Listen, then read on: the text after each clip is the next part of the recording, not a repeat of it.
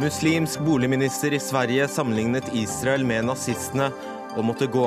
Kan behandlingen av palestinerne i det hele tatt sammenlignes med 30-tallets jødeforfølgelser, eller er det hele historieløst og idiotisk?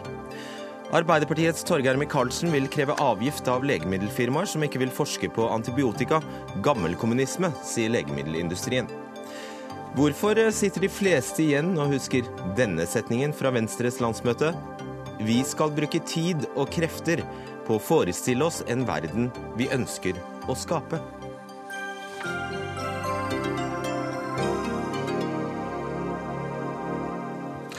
God kveld og velkommen til Dagsnytt 18. Jeg heter Fredrik Solvang. Etter flere kontroverser gikk den svenske boligministeren Mehmet Kaplan fra Miljøpartiet i dag av. Kaplan leverte inn sin avskjedssøknad etter at svenska Dagbladet publiserte et videoopptak fra 2009, hvor Kaplan sammenligner israelernes behandling av palestinerne med nazistenes behandling av jødene på 30-tallet. Vi skal høre hva Kaplan sa. Det er litt dårlig lyd her. Israeler i dag behandler palestinier på veldig like sett som man behandlet jøder under den tyske 30-tallet. Jeg skal vise dere bilder på davidsstjärnor på dører til palestinske butikker som har svetset igjen. Ja, under Nazi-Tysklands hets på 1930-tallet håndterte man mennesker som ble sett på som avvikende, slik at de hele tiden måtte forsvare hvorfor de levde som de gjorde. Det som er interessant, er at israelere i dag behandler palestinere veldig likt, slik man behandlet jøder på det tyske 30-tallet, sa Kaplan under et møte om islamofobi i 2009. Forfatter Gabi Gleichmann, du er født i Ungarn, bodd i Sverige og kjenner saken godt og er selv jøde. Hvorfor måtte Kaplan i dag levere sin avskjedssøknad? Det har med sikkert andre saker å gjøre enn dette med koblingen til og Israels kritikk av det.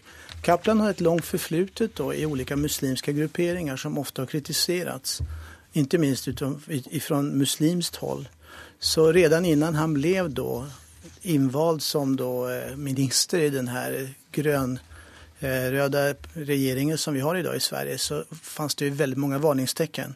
Och många sa att han är inte lämplig. Mm. Och då lyssnade inte alltså, socialdemokratiska ledare på den kritiken, utan man valde in honom helt enkelt och gjorde honom till minister. Så ministern har varit väldigt blek och en av de första sakerna han sa att jihadister som åker till Syrien för att mörda, våldta, det är ungefär att jämföra med de svenskar som åkte till Finland under kriget för att försöka hjälpa till Finlands befrielse. Sen när det kom kritik mot det här så sa han att det var inte alls vad jag har sagt. Så Kaplan är känd för att alltid ta avstånd ifrån det han har sagt när det liksom börjar brinna. Och det stora problemet varför han åker nu, det är för att han blev för besvärlig. Inte minst med tanke på att han har träffat människor som representerar extrema ultrahögergrupper i Turkiet. Och Sveriges hållning under de siste 40 åren har vært at man vil at Turkiet skal ha menneskelige rettigheter respekterade. Man vil at kurder skal ha sine rettigheter som nation, så som folkslag. Og denne gruppen strider veldig sterkt mot det Og da er är den store frågan som ikke har med Palestina-Israel-konflikten, det her har bara kokats i dag i tidningene. Den store frågan er så här, kan en svensk minister privat bete seg stikk i sted mot Sveriges holdning i en fråga som er ganske vesentlig. Og vi skal da legge til at han er etnisk tyrker, Kaplan selv? Ja, han er turkisk fra början, kom til Sverige som ettåring. Og han er aktiv muslim, og i mange av de gruppene han har vært, så har han også forsvaret jihadister. Han mener på at de her som åker til, til altså kriget i Irak og i Syrien, det er mennesker som gjør det av en slags islamofobi i Sverige. Det er derfor de flyr og skal krige. Og han har ledet en rekke muslimske organisasjoner i, i Sverige. Precis, precis. Eh, nå sier Stefan Löfven, statsminister Stefan Löfven at han ikke visste til disse, kjente til disse uttalelsene, altså der han sammenligner Israel med, med nazistene. Er det, står det til troende? Altså Det er en god regel for en politiker, særskilt en person som blir statsminister, å gå i seng med folk som han kjenner til litt. Det gjorde ikke Stefan Löfven. Altså, han har valgt inn mennesker som redan har kritisert tidligere, uten en grundig undersøkning. Og Det vitner om en svakhet hos den sosialdemokratiske regjeringen i dag. Og Kaplan sa selv på pressekonferansen at det er spredd feilaktige opplysninger om ham, og at han ikke anser videoen, at videoen bekrefter ryktene om ham. Eh, er du enig? Ja. Jag menar, det får ta för vad han säger. Jag vet, inte, jag vet inte vad man ska tro, om man ska tro det han säger där eller det han säger idag. Det är klart det är sju år sedan han kan ha förändrat synpunkt. Det viktiga är bara att se hur också reaktionen idag är. Miljöpartiet börjar bli allt mer besvärlig för Socialdemokraterna. Det har varit flera olika andra saker. Så kommer det här upp och så blir det en slags medial eh, jakt efter Kaplan. Och nu så, vad han gör, han avgår frivilligt själv och säger att han kan inte arbeta. Det är han som är offret. Han kan inte arbeta för medierna styr hans, eh, stör. Och så får han 2,4 miljoner i avgångsvederlag. Normalt så borde han varit sparkad av statsminister som istället för att kritisera honom offentligt nu säger att jag visste inte det här men nu har han tagit avsked. Och det är någonting som är inte riktigt bra i det här politiskt sett. Som jøde, hva føler du når denne Dette er jo ikke, altså Han er jo ikke den første som uh, drar en slik uh, sammenligning. altså Ofte når Israel kritiseres, så påpekes det at det er paradoksalt at det er av alle så skulle det være jødene som behandlet et annet folk på den måten med den historien jødene har i bagasjen. Hvordan reagerer du? Ja, alltså jag reagerar alltid när det är felaktiga åsikter som kommer fram och man har en slags parallellismer som man ställer här. Och jag tror det har med att göra att, att efter andra världskriget så hade folk dåligt samvete för vad som hände i förintelsen. Och det dåliga samvetet har fortsatt. Och så finns det krafter som vill bli av med dåliga samvetet och så säger judarna inte bättre än tyskarna har varit. Och detta är en skjenning mot alla som har gått alla offer och så. Va? Dessutom är det realpolitiskt sett helt fel. Det är två nationer som strider med varandra. Och viss brutalitet förekommer på båda håll. Sen kan man diskutera vem som är mest det ena och det andra. Men att koppla till en fråga om judarna blir väldigt, väldigt fel och missvisande. Och det är där många som döljer sig bakom en slags kritik mot Israel. Och det har ju kommit fram mot Kaplan. Jag har inte följt den debatten riktigt.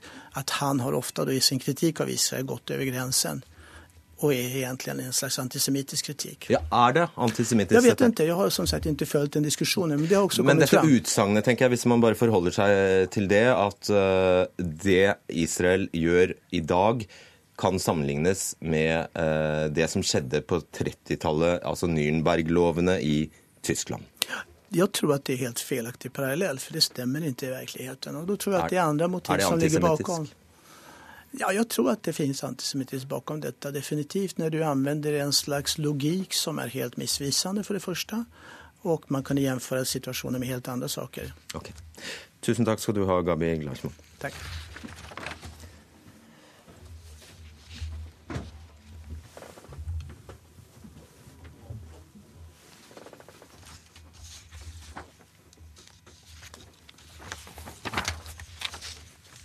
Har vi fått en ny gjest i studio. Det er deg, Vibeke Kidding Banek. Du er historiker ved Universitetet i Oslo. Mener du det Kaplan har sagt er innenfor eller utenfor? Altså, Jeg mener jo det er utenfor. Det er en ganske uholdbar sammenligning det å skulle sammenligne behandling, behandlingen av palestinerne i dag med hva som skjedde på 30-tallet i Tyskland. Eh, det som skjedde på 30-tallet i Tyskland, var et systematisk forsøk på å sette eh, de tyske jødene, og etter hvert altså i de tyske okkuperte landene, utenfor samfunnet. Skritt etter skritt, år etter år, og, var, og på område etter område. Eh, man kan diskutere om, denne, om, det var en endelig løsning å utslette jødene, men at de skulle ikke være en del av det tyske samfunnet, var helt klart. Eh, det er på ingen måte å minimisere palestinernes situasjon i Israel, men å sammenligne det direkte sånn som Kaplan gjør, mener jeg er uhistorisk. Og feil. Og feil. Absolutt. Eh, selv om han da Han sammenligner jo ikke holocaust, altså Nei. det vi kjenner som holocaust, Nei. med dagens behandling av palestinerne. F.eks. Eh, snakker han jo, Dermed innlemmer han ikke Wannsee-konferansen, altså, altså, den endelige, endelige løsningen. Ikke, ja. Ja, han snakker om det som skjedde på, uh, i Tyskland ja. på 30-tallet. Og Det er det jeg også snakker om, faktisk. Jeg snakker ikke om beslutningen om å altså, utrydde jødene, men jeg snakker om det som skulle til for å uh, etter hvert kunne ta den beslutningen. Og, og det er altså, skritt for skritt å sette jødene utenfor majoritetssamfunnet. Det er det jeg beskriver. De, på en helt annen måte. De hadde på en helt annen måte altså ikke statsborgerlige rettigheter og sånt noe som en god del palestinere har i Israel i dag, for å nevne et eksempel. Representantskap i Knesset versus i riks, tyske riksdagen osv. Når blir kritikk av staten Israel antisemittisk? Det, det, er jo selvfølgelig en utrolig vanskelig grenseoppdragning. Men den blir antisemittisk når, eh, Israel, eh, når, den israelske statens politikk får, eh, eh, blir noe som rammer alle jøder. Det har vi sett i det siste i Europa, både i Norge når synagogen ble skutt, ble skutt på i 2006. Vi har sett det ved terroren i Paris og København. Eh, da, da, går det utover eh, jøder i hele diaspora, og, er, og, som da blir ansvarliggjort på en grusom måte ved staten Israels handlinger. Men er, da er det jo ikke kritikken som er antisemittisk nødvendigvis, men følgene av ja, det er konsekvensen. Ja. Men, men, det mm. henger nøye sammen, det her. Altså, det, det, er vanskelig noen ganger å skille. Men ellers så handler det om at eh, eh at man må skille eh, staten Israel og israelere fra altså israelske eh, handlinger, statens handlinger som de gjør på godt og vondt, fra, fra israelere. Og problemet er jo også at Israel og jøder blir veldig ofte sausa sammen i, mm. i retorikken. Mm. Det er det ingen tvil om. Og bare veldig, eh, veldig kort. Hvilke konsekvenser for denne type retorikk for holocaust-begrepet, altså den forferdelige, den forferdelige eh, drapet på seks millioner jøder? Altså, eh, i, eh, I Kaplans tilfelle så tenker jeg det, det, er flere aspekter ved det her. Han er en folkevalgt som velger å bruke en riktig påstand for å argumentere for sitt syn. Eh, det er dumt i den forstand at han er, nettopp er en folkevalgt og, og, og kommer med feil argumentasjoner. Det andre, andre, er jo at holocaust blir eh, gjort mindre enn det det er. Nettopp det folkemordet det var på seks millioner jøder.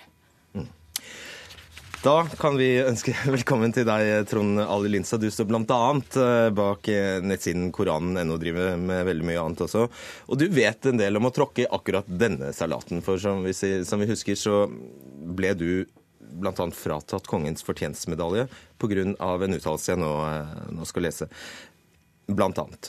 Vær kritisk til jøder i verden når det gjelder den innflytelsen de har innen aviser og andre medier, i mange politiske organer og ved kontakter og nettverk som finnes til der hvor beslutninger fattes. Tilbake til Kaplan. Mener du det han sa, var innenfor eller utenfor? Jeg har forstått det sånn at han har forsøkt å trekke noen historiske paralleller. Jeg er prinsipielt skeptisk til å trekke historiske paralleller. Jeg forstår det sånn at han er oppbrakt, opprørt, fortvilet over den behandling som Israel gjør i forhold til palestinerne.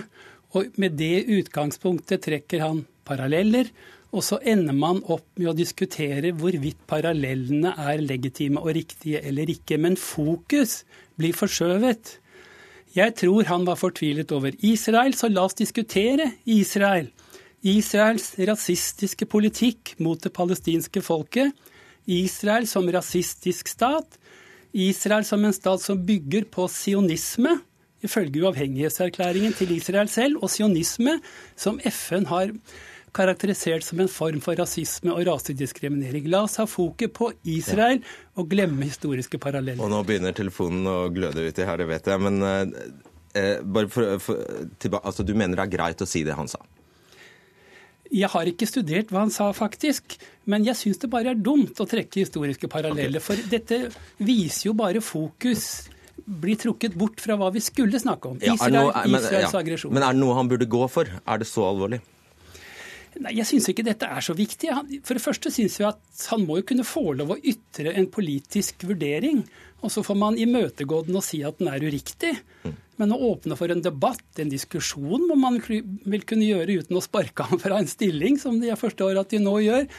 Jeg er opptatt av Israel, jeg er opptatt av palestineres situasjon, hvor det foregår alvorlige overgrep i dag. Det må vi diskutere. Ja, så gjentar du at Israel er en, er en rasistisk stat. Israel er da ingen stat som f.eks. innfører raselover som forbyr jøder å gifte seg, eller israelere å gifte seg med noen fra annen, et annet folkeslag, f.eks. Det det kan du jo ikke mene.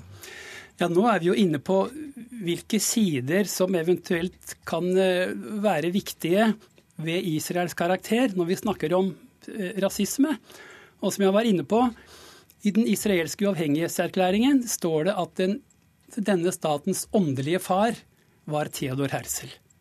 Og det står at han er sionismens grunnlegger og opphav. Og sionismen, som er altså grunnlaget for staten Israel, er av FN i sin tid vurdert som en form for rasisme. Og da syns jeg vi skal gå inn på dette. Er Men det er jo praksisen praksisen i dag som teller, da. Ja, nettopp. Og da kan vi begynne. F.eks. hvem har rett til å komme til Israel og få statsborgerskap i Israel? Enhver med en spesiell bakgrunn, og tilfeldigvis er det jøder. Enhver jøde har umiddelbar rett til å komme til staten Israel, få umiddelbart statsborgerskap. Men det interessante er vel om arabere f.eks. nektes det samme? Nettopp. De nektes det samme. Det er det som er et poeng ved rasismen Men de fratas f.eks. ikke statsborgerskapet I utgangspunktet fordi de er arabere. i, hvis de f.eks. forlater sine landsbyer og byer og blir borte fra disse over en viss tid, så mister de sitt statsborgerskap. Da blir de fraværende. Fordi grunnleggende sett er palestinere ikke ønsket i staten Israel, fordi de tilhører en annen befolkningsgruppe som ikke gis de samme privilegiene som gis til en befolkningsgruppe. Der ytrer rasismen seg i staten Israel, og det må være i fokus. Det må være i fokus. Siste spørsmål. eh, du- kom litt sent her, så vi fikk litt mindre tid med deg enn eh, planlagt. Altså, det Kaplan sier, er jo strengt tatt, og la oss være ærlig, en variant av det som er en veldig populær oppfatning blant mange muslimer i verden, at det er mulig å sidestille eller, eller sammenligne det palestinerne blir utsatt for av israelerne, med det som skjedde med jødene under andre verdenskrig. Og det skaper jo, det ser vi jo, skaper uendelig mye hat og vold og terror i verden i dag. Ja, nettopp. Altså, Den oppfatningen. Nettopp. Å trekke slike historiske paralleller, som du sier, skaper frustrasjoner, hat og irritasjon og motsetninger. Altså prøver vi å unngå denne type paralleller og se på det vi ønsker å diskutere, Israel. Til slutt, eh, Vibeke Kidding Bannik, hva, eh, hva tenker du om det du hører? Altså For det første må jeg si at den resolusjonen som, du, som FN vedtatt, vedtok i 75, den er opphevet i 91. Sånn at uh, argumentasjonen din henger ikke helt på greip. Det andre er at jeg er enig i at å trekke sånne historiske paralleller, det er ofte ikke greit. Enhver sak, både palestinernes og, og jødenes sak for den saks skyld, eh, har nok av gode argumenter i seg selv. Så enkelt er det faktisk. Skal vi bli enige om å holde opp med det? Historiske paralleller er ikke hensiktsmessige. Fokus på den undertrykking staten Israel bedriver mot palestinere. Det er viktig. Takk skal dere ha. Eh, Trond Ali Lindstad og Vibeke Kidding Panik. Dagsnytt 18 alle hverdager klokka 18.00 på NRK P2 og NRK2.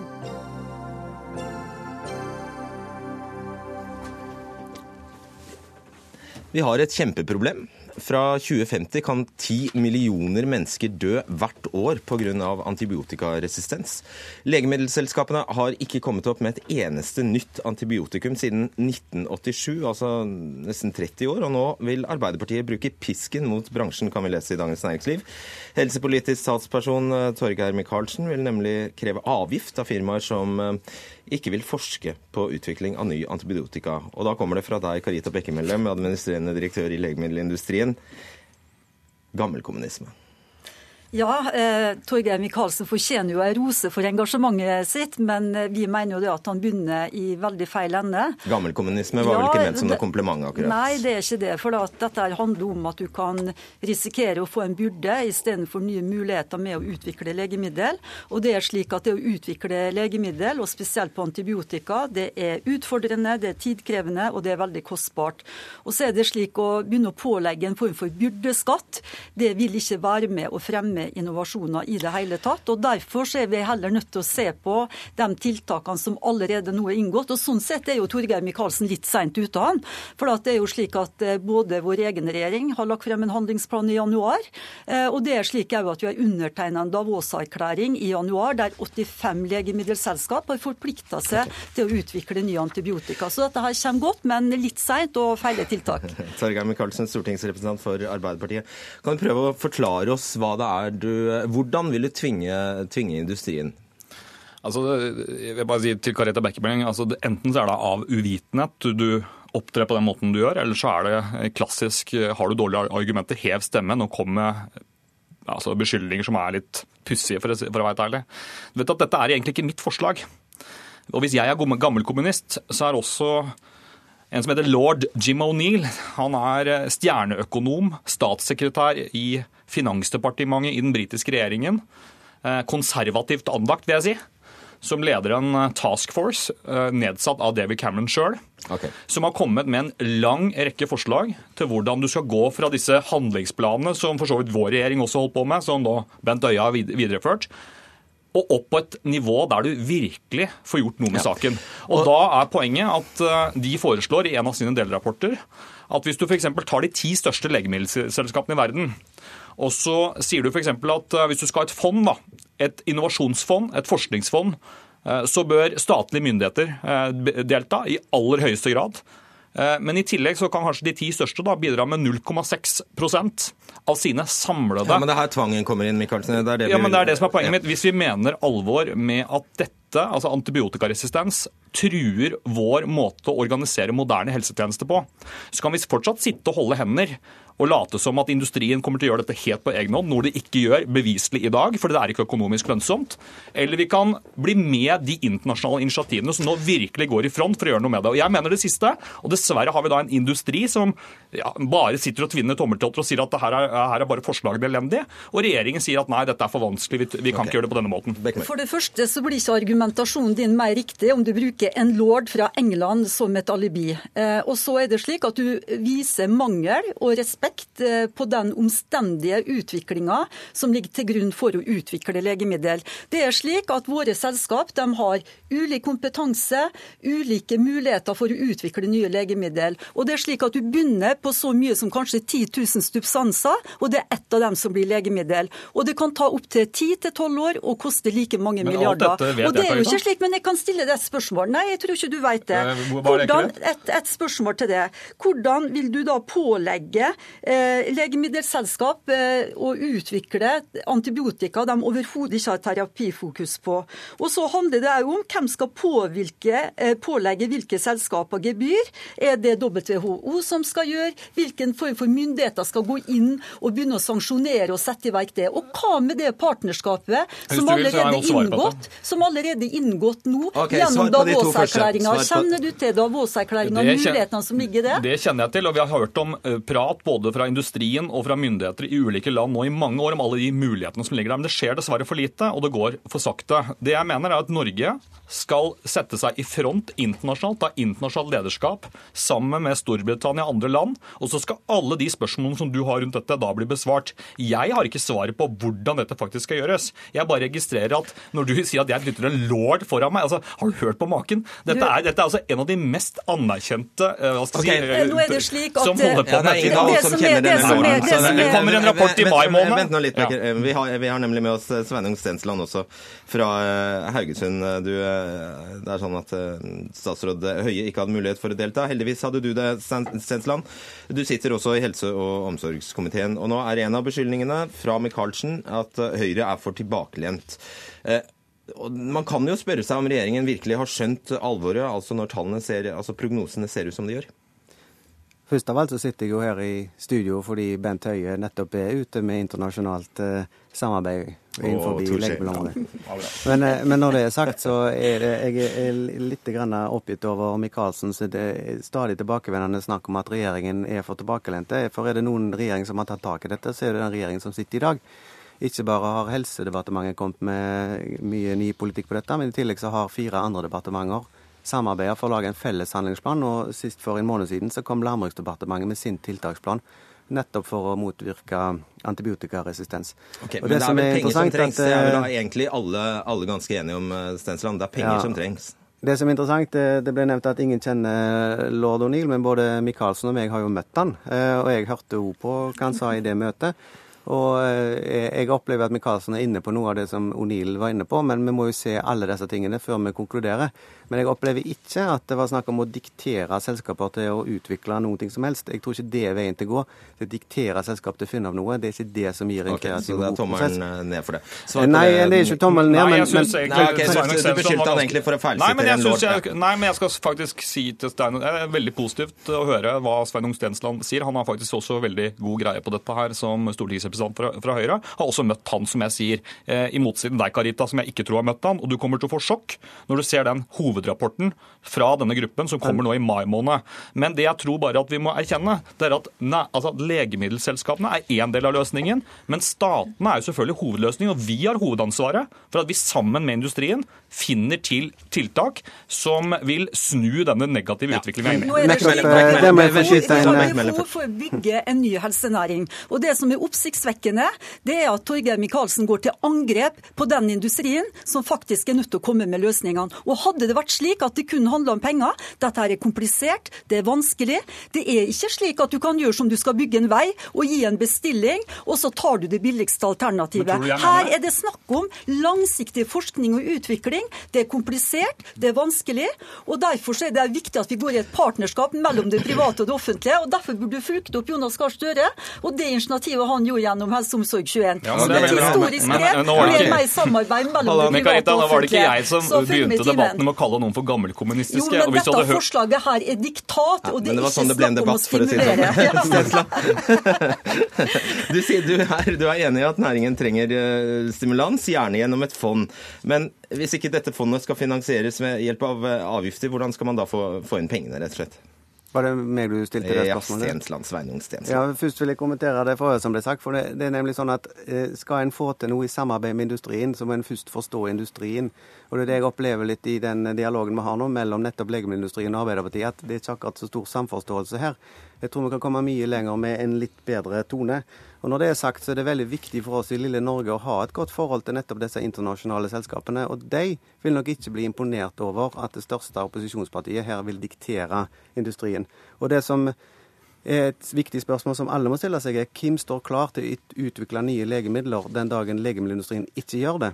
Det er nemlig sånn at det er kun legemiddelindustrien som utvikler nye legemidler. og Da må vi gjøre dette her i partnerskap, og ikke med pisk. Men det er jo derfor de er legemiddelindustrien. Men, men Sveinung, altså, dette er jo helt enig, og hovedsvaret på dette ligger jo at eh, både du og jeg, tror jeg, eh, vil foreslå å støtte et initiativ der vi snur helt om på finansieringsmåten vi i dag tilbyr legemiddelselskapene og industrien eh, måter å utvikle nye antibiotika på. nemlig, altså Dette er litt teknisk, men jeg tror, dette tror jeg til og med vi er enige om. Karita Bekke mellom sånn, ja, og da er spørsmålet, etter at staten har gjort sitt, etter at legene har gjort sitt, etter at pasienten har gjort sitt, kan også industrien bidra noe? Det er det jeg prøvde å, å sette fokus på, og det synes jeg kanskje at de da, men, men, Hvis du ikke avbryter nå, så kanskje jeg kunne få snakket ferdig? Ja, men du snakker så lenge. Eh, jo, men jeg har veldig mange gode poeng. Sånn ja.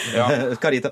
Eh, jeg har bare lyst til å peke på eh, Davos-erklæringa, der 85 selskap har gått, eh, legemiddelselskap har gått sammen i en forpliktende avtale for å kunne utvikle ny antibiotika.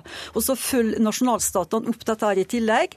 og I så måte var Norge faktisk tidlig ute med å legge fram en handlingsplan i okay. januar. Sånn at vi må få til dette her gjennom samarbeid, og ikke gjennom konfrontasjon. Og Stensland, som også er farmasøyt, altså bare det faktum at antibiotika nå er et legemiddel som legene får beskjed om å skrive ut mindre av. Bare det vil jo gjøre, skape en fare for at forskningen her blir eh, underprioritert, vel? Nei, altså det, det, er ekstremt viktig at legene tar, tar til følge de, de forskrivningsretningslinjene som finnes. Og Det er nemlig en, ja, en del av problemet i Norge. Altså, det at de får beskjed om å skrive ut mindre, er i seg selv en, selv en driver for at det blir mindre eh, lukrativt å utvikle disse medisinene? Nei, det blir en veldig forenkling. Jeg kunne brukt resten av sendingen på å forsvare på det, men for å si det sånn, nye innovative legemidler er det bruk for. Kirurgien går videre, kreftbehandlingen går videre. Og for veldig mange av disse her eh, terapiområdene så er effektiv antibiotika en forutsetning. Derfor er det så viktig at vi bruker det antibiotika vi har i dag, riktig, og ikke når det ikke trengs. Da var det over. Takk. Torgeir Micaelsen, Karita Bekkemellem og Sveinung Stensland.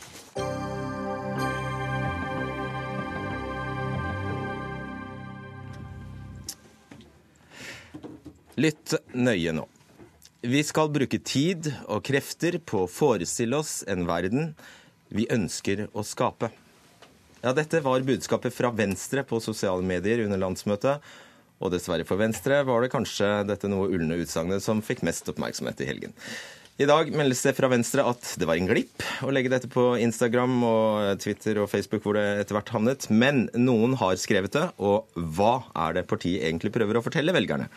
Fridtjof Jacobsen, politisk kommentator i eh, VG, hvis du skulle prøve. Hva er det Venstre prøver å si? De prøver å si, tror jeg, eh, midt i dette her, at de eh, at politikk handler på en eller annen måte om framtida, og, og, er et verktøy som man kan bruke til å skape en verden som man syns det er ålreit å bo i. Mm. Og Det er jo en, egentlig en sånn grei oppsummering av politikk, og tror jeg en sånn grei oppsummering av det folk stemmer på. Det er bare at måten det blir sagt på, er så Ja, den, den, Når du leser det, så høres det ut Når du ser det på trykk, så er det liksom enda verre. Det er, det er uh... For det er altså over Det er tekst på et bilde av en tenkende uh, Ja, litt sånn formidlende, eller hva man skal si. da, Utredende eller sånn uh, positur av Trine Skei Grande som holdt denne talen til landsmøtet uten talerstol. ikke sant? Og, og så er det noe med at det var bare et liksom morsomt lite øyeblikk, for at hele dette at det var et poeng at det ikke var talerstol. Der, vi får litt sånn Holgersen og Tversnes, uh, vi får de som husker de fra, fra Eia og Tufte Johansen. Uh, og så da et sånn utrolig sånn tomt retorisk utsagn, uh, som er det som blir stående igjen etter et landsmøte, som er jo den perioden hvor et parti altså mellom et valg har litt oppmerksomhet i offentligheten. Men i all rettferdighet, hvor uvanlig eller vanlig er dette? Nei, altså, to, sånn litt tom og svulstig retorikk er, eh, er, blitt dessverre litt mer utbredt i politikken. Nå må huske at retorikk og, og, det som får det til å bruse litt i brystet, er ganske viktig politikk. Hvis du hører eh, politikere som Barack Obama eller Boris Johnson eller sånne ting, så er de, de, har, de er veldig talegaver. De bruker ord. Og de er ikke redd for å bruke også ganske store ord, men de gjør det på en ganske sånn presis måte som gjør det veldig klart hva de mener. Eh, så er det nok sånn i norsk politikk at det etter hvert blir veldig mange store ord, men uten noe særlig mening, og du lurer på hvem som har skrevet eller hvem som kommer med det. et annet eksempel er at Høyre, når de hadde landsmøte for en uke eller to siden, så kalte de landsmøtet sitt med 1000 mennesker. Det er et enormt Høyre-arrangement og masse presse for Mulighetskonferansen 2016. Oi. Ikke sant? Og det også er jo sånn hvis noen hadde kommet på jobben og sagt at eh, vil du bli med på en mulighetskonferanse, så hadde du, i hvert fall hvis det hadde vært meg, så hadde du bare fortjent at brekningene kom, og så hadde du gått hjem og sykmeldt deg. Nå glimrer Venstre med sitt eh, fravær her i studio. Det var fordi de ikke kunne sende noen. De hadde ingen å sende i dag. Hans Petter Nygaard Hansen, du er kommunikasjonsrådgiver i eh, Kom, Kom Frem. Eh, nå det, var det altså Venstre denne gangen, og vi har sett det noen kan kalle tomme setninger fra andre mm, tidligere. Hvorfor bruker partiene eller politikerne ord som sier så lite? Altså, en ting, ting, er jo hva de sier i en direkte dialog med en journalist som deg selv, i fare for å bli eh, feilsitert, tatt ut av kontekst osv. Eh, det som er litt spesielt med den saken, her, synes jeg, da, det er at de da bruker disse tomme eller tåkepraten, kall det hva du vil, i egne kanaler, hvor de ikke står i fare for å bli eh, tatt ut av kontekst, feilsitert. Så Sånn sett så står den saken litt annerledes og litt mer spesiell enn om Trine skulle vært i dialog med Fridtjof, f.eks. Så hvorfor det kom som det kom, og noen må jo liksom ha gjort en ganske dårlig jobb med å lese. Selv, ja, Og det er jo lov, da. Nå sitter vi her og diskuterer da en liten glipp. Talen til, til Trine var jo i seg selv veldig klar og tydelig.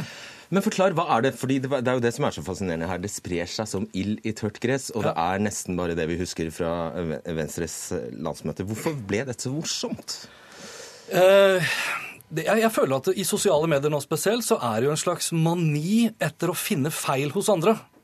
Istedenfor å fremsnakke altså Fremsnakking og det positive aspektet er jo denne mulighetskonferansen til Høyre. Vi hadde nok antageligvis ikke ledd like mye av det for en liten stund siden. Eh, så begynte liksom rosa sukkerspinn å dukke opp osv. Og, så videre, og, så og nå har vi blitt helt gale etter å påpeke feil hos andre.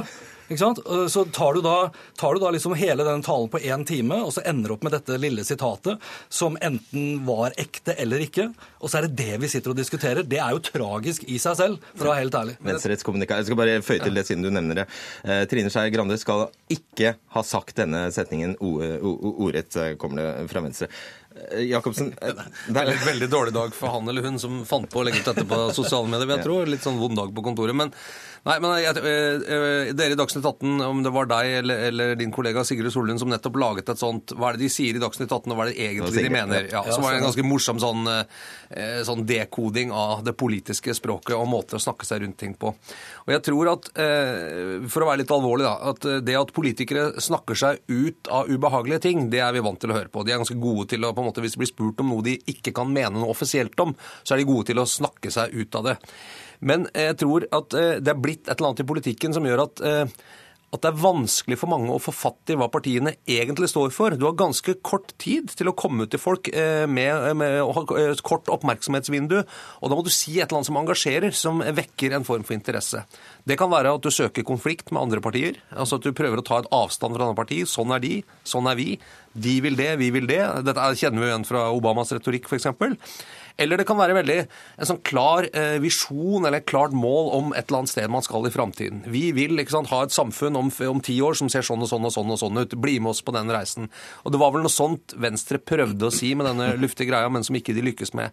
Og så tror jeg det er farlig for politikken hvis språket og det retoriske nivået blir så dårlig og hult og kjedelig for da tror jeg engasjementet rundt politikk kommer til dette. Folk er ikke interessert i det. Allerede tror jeg nok interessen for politikk, bortsett fra akkurat i de korte valgkampene, er nesten på et kritisk lavt nivå. Mm. Jeg har holdt foredrag for eh, folk på masternivå på norske utdanningsinstitusjoner og spurt eh, ok, nå tar vi en liste. Hvor mange, hvor mange medlemmer i regjeringen husker dere? Og dette er folk på masternivå som har studert politikk og samfunn, og de klarer så vidt halvparten.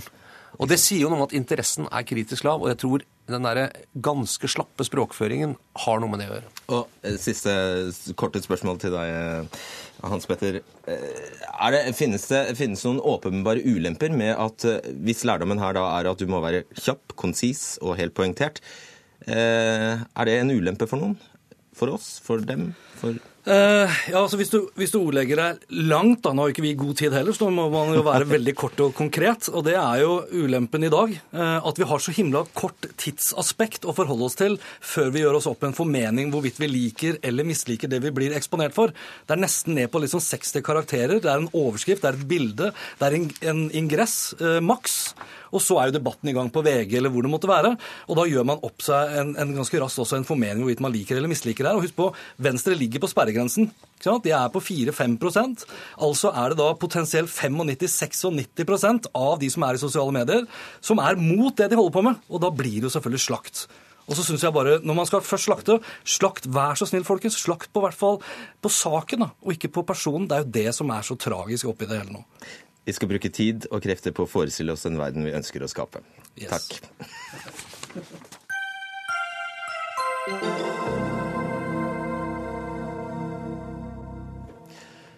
Et skjold? Ja, nå skal jeg vise fram. Sånn. Hvis du bare passer på å ikke sette deg rett foran kameraet der, og flytter deg litt sånn, ja. Eh, et skjold med kongekrone og en gyllen løve med hjelm på hodet og et maskingevær i klørne på rød bakgrunn. Ja, dette er emblemet partiet Rødt har valgt å trykke på plakater og løpesedler under overskriften 'Dette visste du ikke om krigsnasjonen Norge'. Men eh, logoen falt ikke heraldikkavdelingen i Utenriksdepartementet i smak, og nå truer faktisk departementet Rødt med anmeldelse og i verste fall fengselsstraff, kan vi lese i Dagbladet. Eh, Mari Eifring, du er partisekretær i Rødt. Dere bryter altså kongelig resolusjon av 20. mai 1927, som sier at riksvåpenet kun må benyttes av statens myndigheter i utøvelsen av deres offentlige virksomhet. Det må dere ha visst. Eh, det visste vi faktisk ikke. Det var vi ikke så opptatt av før vi skulle lage materiell til vår aksjonsdag mot krig. Vårt viktigste poeng var jo å få effektiv politisk kommunikasjon for å få fram at vi mener at Norge har blitt en krigerstat. Eh, og Derfor så valgte vi eh, bl.a. i tillegg til å utforme en del materiell med fakta om hvordan Norge bidrar mer til krig i, i verden og er blant uh, verdens største våpeneksportører. Uh, og også ha et symbol som viser denne utviklinga. Ja, jeg tror de fleste skjønner hvorfor dere har, har gjort det, men svaret på spørsmålet mitt var at dere, dere hadde ikke sjekket om dette var innafor?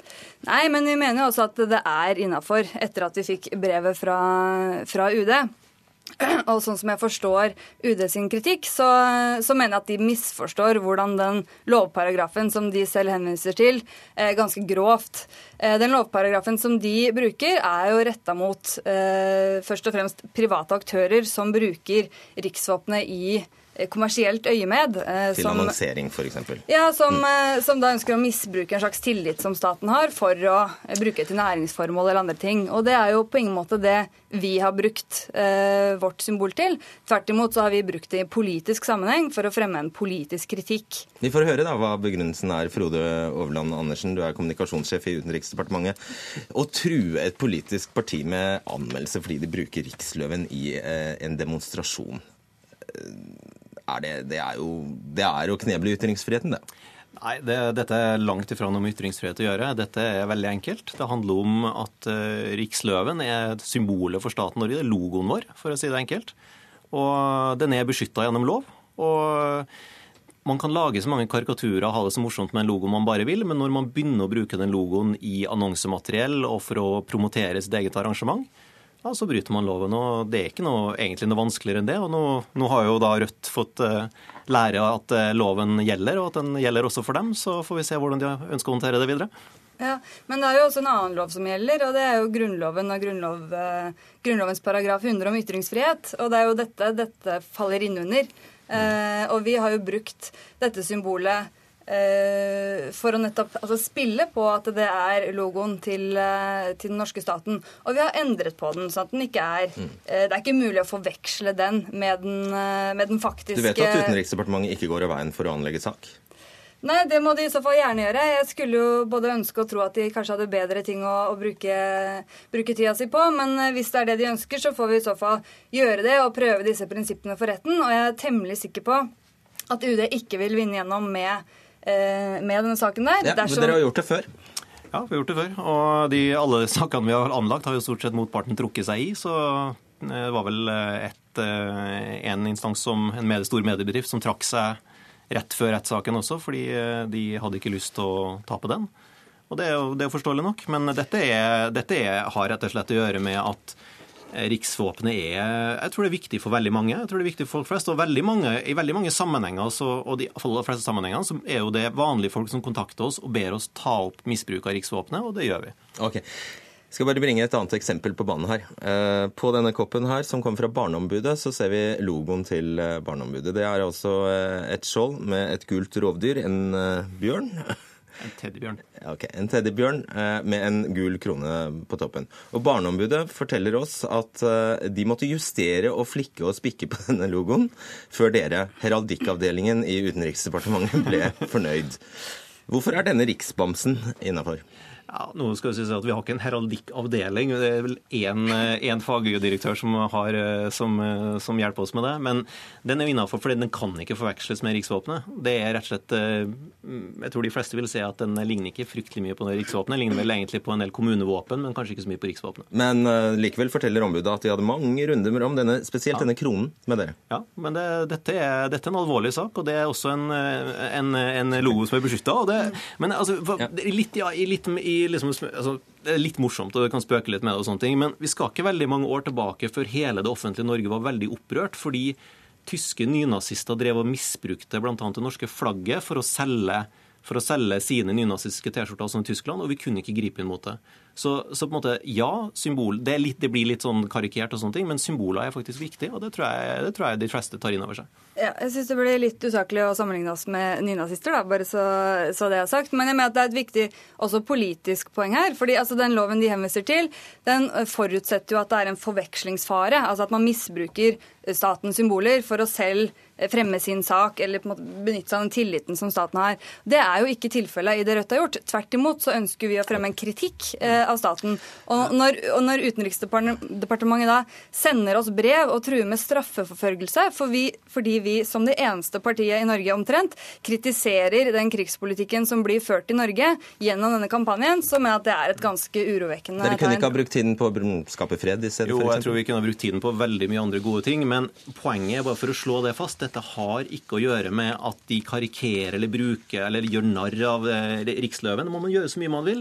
Men i det øyeblikket man bruker riksløven til annonsering til inntekt for egen sak, så, er, så, må vi altså gripe inn. Og sånn er loven lik for alle, også for partiet Rødt. Men det er jo ikke annonsering, det er politisk Nei, det... kommunikasjon, og det er politisk mobilisering. Og det er litt urovekkende at ikke UD klarer å skille okay. annonsering fra her, politisk men her, men her, må, mobilisering. Her må det være likt for alle. Altså Når NRK, ja. eh, NRK gjorde det samme, TV 2 gjorde det samme, så ble det påtalt. Og det er påtalt i brev fra oss på akkurat samme måte. Og det er rett og slett ikke noe stort, eh, stor utfordring i det. Tusen takk skal dere ha, Frode Andersen og Marie Eifring. Hør Dagsnytt 18 når du vil. Radio NRK Radio.nrk.no.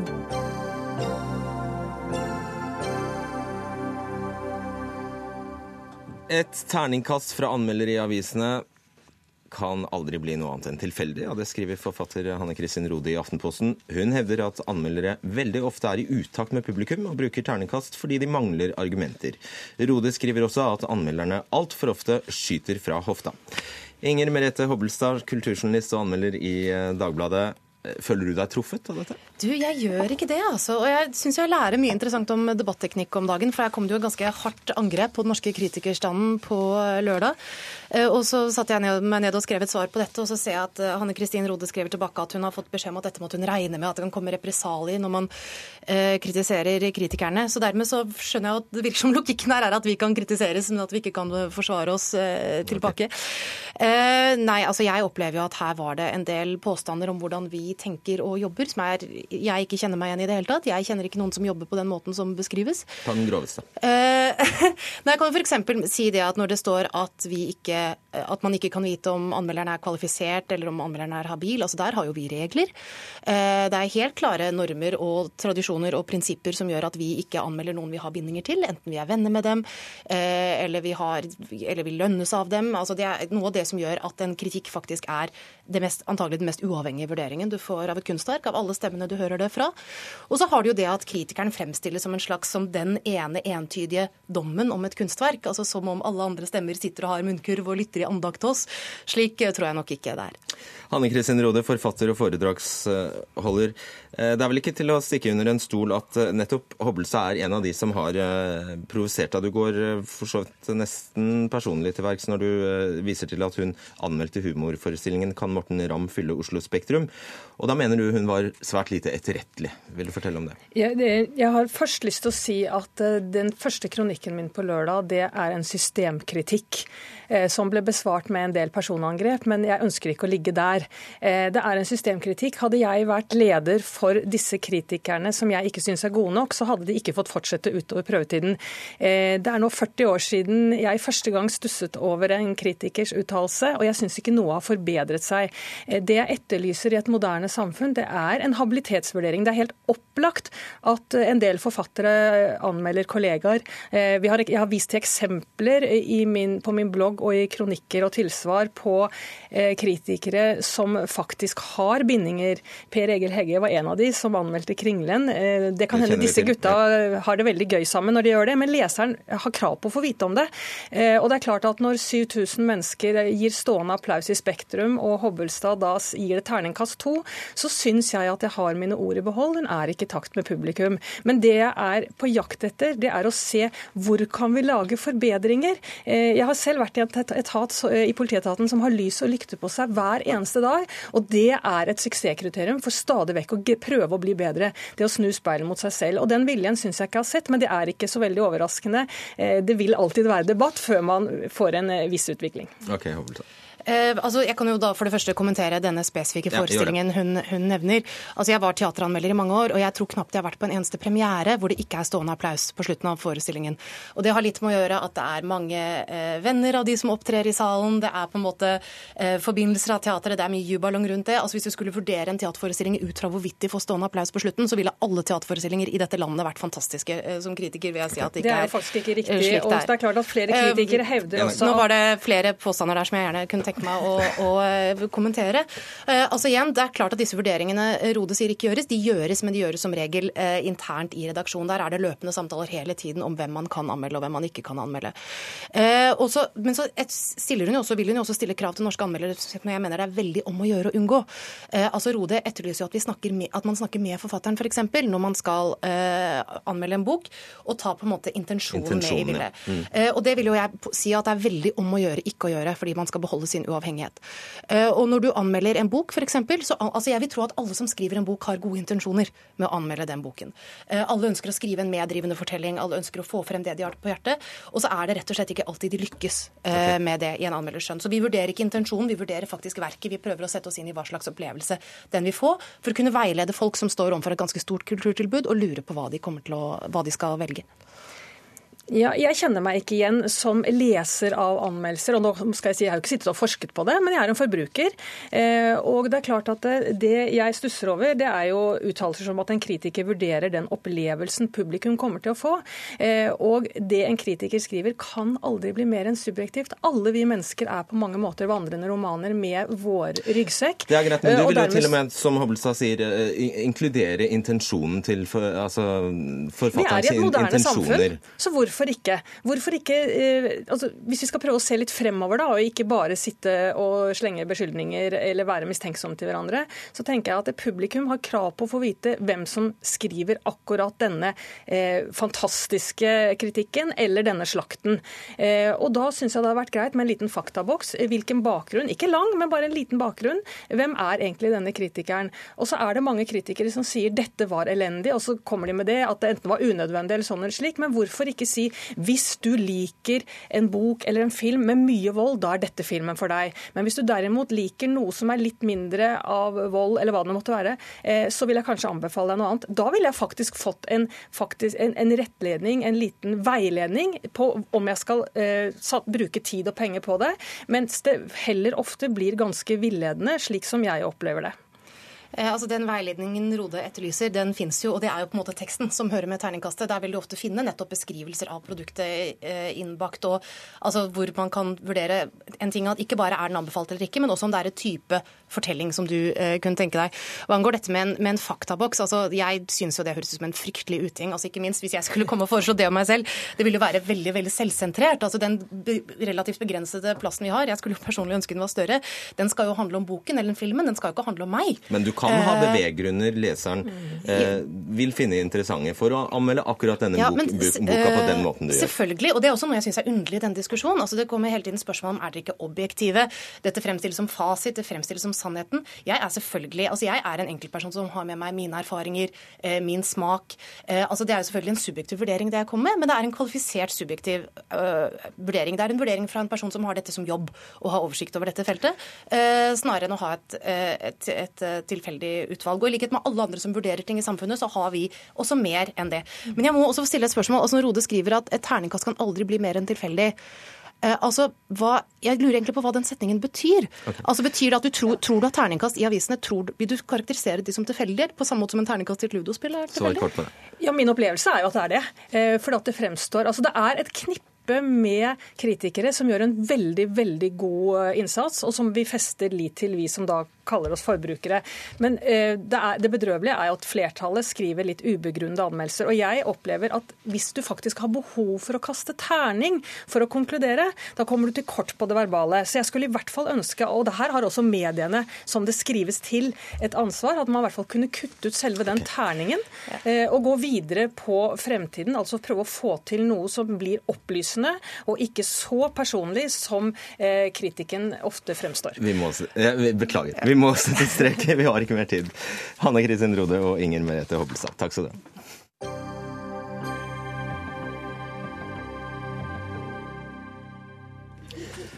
Landsmøtet i Norges Mållag krevde i helgen at nynorsk må bli en del av språkopplæringen i norske barnehager. Barnehagene er nemlig en viktig arena for språklæring, og et mål med opplæringen er å gjøre barna klare til skolestart, heter det i uttalelsen fra Norges Mållag. Som vel ikke så helt sånn ut da den ble, skrevet, men dog. Eh, Magne Aasbrenn, leder i Norges Mållag. Hvorfor skal alle barnehager i Norge ha, være en arena for nynorsk språkopplæring? Eh, jo, eh, vi har to språk i Norge, og jeg, jeg tror det er veldig få som syns at vi skal kutte ut nynorsken. Og, og da er jo på en måte mediesituasjonen sånn at bokmålet dominerer. Samtidig så har vi 7000 barn som begynner på skolen og skal begynne med nynorsk på skolen. Og, og, og da er det viktig at de smårollingene der har fått med seg nynorsk fra barnehagen. Du vet at det ikke er nynorskopplæring i grunnskolen? Eller i, unnskyld, i barneskolen? Nei da, men, men de, de skolene som har nynorsk eh, som hovedmål, har jo da Ah, ja. nynorsk der. Sånn at det, det var litt etnosentrisk, syns jeg, programleder. Men det du, det, du vil altså, eh, eh, det, du, det du vil, er at dette skal inn i alle barnehager, og da snakker vi om bøker, f.eks. på inn- og nynorsk. det, det viktigste er barnehagene i områder der det er eh, nynorskopplæring for right. ungene. Ok. Henrik Asheim, utdanningspolitisk talsperson i Høyre. Uh, ja, ja. Hva syns du om dette? Nei, Jeg er ikke enig i det, fordi barnehage er ikke skole. Eh, barnehage er nettopp barnehage. Det er ikke sånn at vi sitter som politikere og detaljstyrer rammeplaner eller gir pensum til barna i barnehagen. Og Det er jo noe av det som sektoren har vært veldig opptatt av i mange debatter jeg har vært i om alt vi skal gjøre om barnehage. Det er ikke behandle oss som skole, vi er noe annet. Nå må jeg arrestere deg. Du sitter og detaljstyrer rammeplaner for barnehagen. Nei, vi Dagens gjør faktisk ikke det. Dagens rammeplan er på 66 sider, og der står det sånne ting som at uh, i barnehager som har samiske barn utenfor den, de samiske distriktene, har foreldre og barn rett til å forvente at barnehagenes uh, personale har kjennskap til og legger vekt på at også den samiske kulturen skal være en del av barnehagens innhold. Det er riktig. Du, kan velge, ja, du har rett til å velge samisk barnehage, men det er noe annet enn å si at nå skal du ha for da leseopplæring i både hovedmål og sidemål. For vi sier ikke at barna skal lære disse tingene. Og Derfor så er det veldig viktig at vi f.eks. har et nynorsksenter som gir litteratur som man kan bruke i barnehagene. Pedagogene står fritt til å velge det. Og Det bor jo nynorskbrukere over hele landet, selv om det er noen kommuner som har det. Så jeg er veldig bekymret for at vi skal sitte og si, pålegge at nå skal barnehagene bli som en skole, og på en måte undervise barna i begge målformene, men at barnehagene kan bruke nynorsk litteratur og eventyr osv., det er helt i orden. Det vi vil, er at det blir da mer altså lovfesta at i nynorske områder så skal det være tilfang av bøker, materiell, og at det skal, altså når det, kommer, når det finnes på bokmål, så skal det være på Men kjenner ikke pedagogene som jobber i disse barnehagene i disse områdene sin besøkelsestid? Det tror jeg helt sikkert. Det er veldig, veldig mange flinke der. Men, men, et tilleggsproblem er jo private barnehager. Og, og en eller annen grunn så i private barnehager så består bokmålet sterkere. Det, det, det har noe med økonomiske forhold eh, å gjøre òg, tror jeg.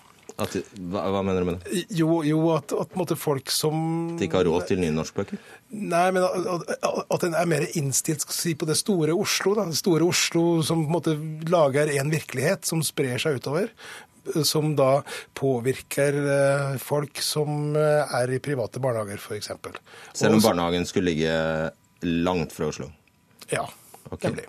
Ja, altså Private og offentlige barnehager har jo nesten helt lik finansiering og har de samme kravene, så det er ikke noen grunn til å tro at de skal forskjellsbehandle dette.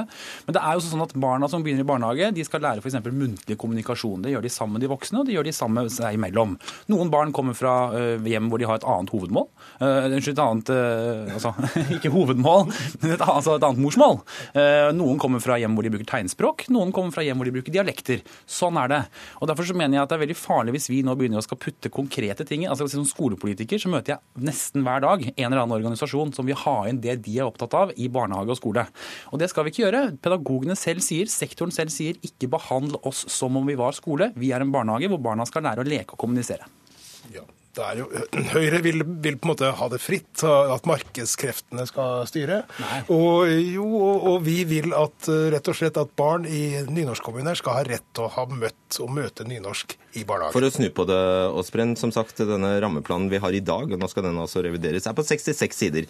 Tror du ikke at eh, barnehagestyrerne har nok med å forholde seg til de, akkurat de 66 eh, sidene? Ja, det handler om at det skal det er litt sånn minne om, minne om at nynorsken er at en må tenke på det. fordi igjen da, de 7000 barna som da skal begynne på skolen, de, hvis ikke de har møtt nynorsken noe særlig, så blir jo det tyngre prosess for dem. Og Det er jo et poeng. Ja, men dette er en sånn kunstig konfliktlinje. Altså, en, vi finansierer ikke et nynorsksenter som legger ut uh, forslag til litteratur, eventyr man kan bruke, tips til ansatte i barnehage, hvordan implementere nynorsk som en del av uh, opplæringen til barna, hvis vi var veldig imot det. Men det vi sier er at vi er veldig imot at man skal sitte og pålegge akkurat dette inn i barnehagen. Som du sier, vi har veldig mange uh, ting som skal inn i barnehagene, men det går ikke på det nivået som det gjør på skole, hvor vi har et pensum, dette skal barna kunne. Det de skal lære i barnehage, det er å kommunisere med hverandre. Det har også veldig mye med hjem Så det er en sånn ideologisk kjepp, her, egentlig, framfor å, framfor å, se på det? Nei, det er faktisk det er akkurat det det ikke er. For det vi gjør, er at vi hører på de som jobber i barnehage, og som sier til oss hele tiden, også når vi politikere blir litt ivrige på at alle barn burde lære sånn og sånn, så sier de barnehage og skole er to forskjellige ting. Det skal vi lytte til. Ja, jeg, jeg ønsker meg at, at barna i barnehager også da i bokmålsområder, såkalte, eh, lærer seg nynorske sanger. Og på en måte at de som jobber i barnehagen, blir eh, minna på det. Jeg lærte meg 'Små sporven gjeng i tunet', jeg har glemt den.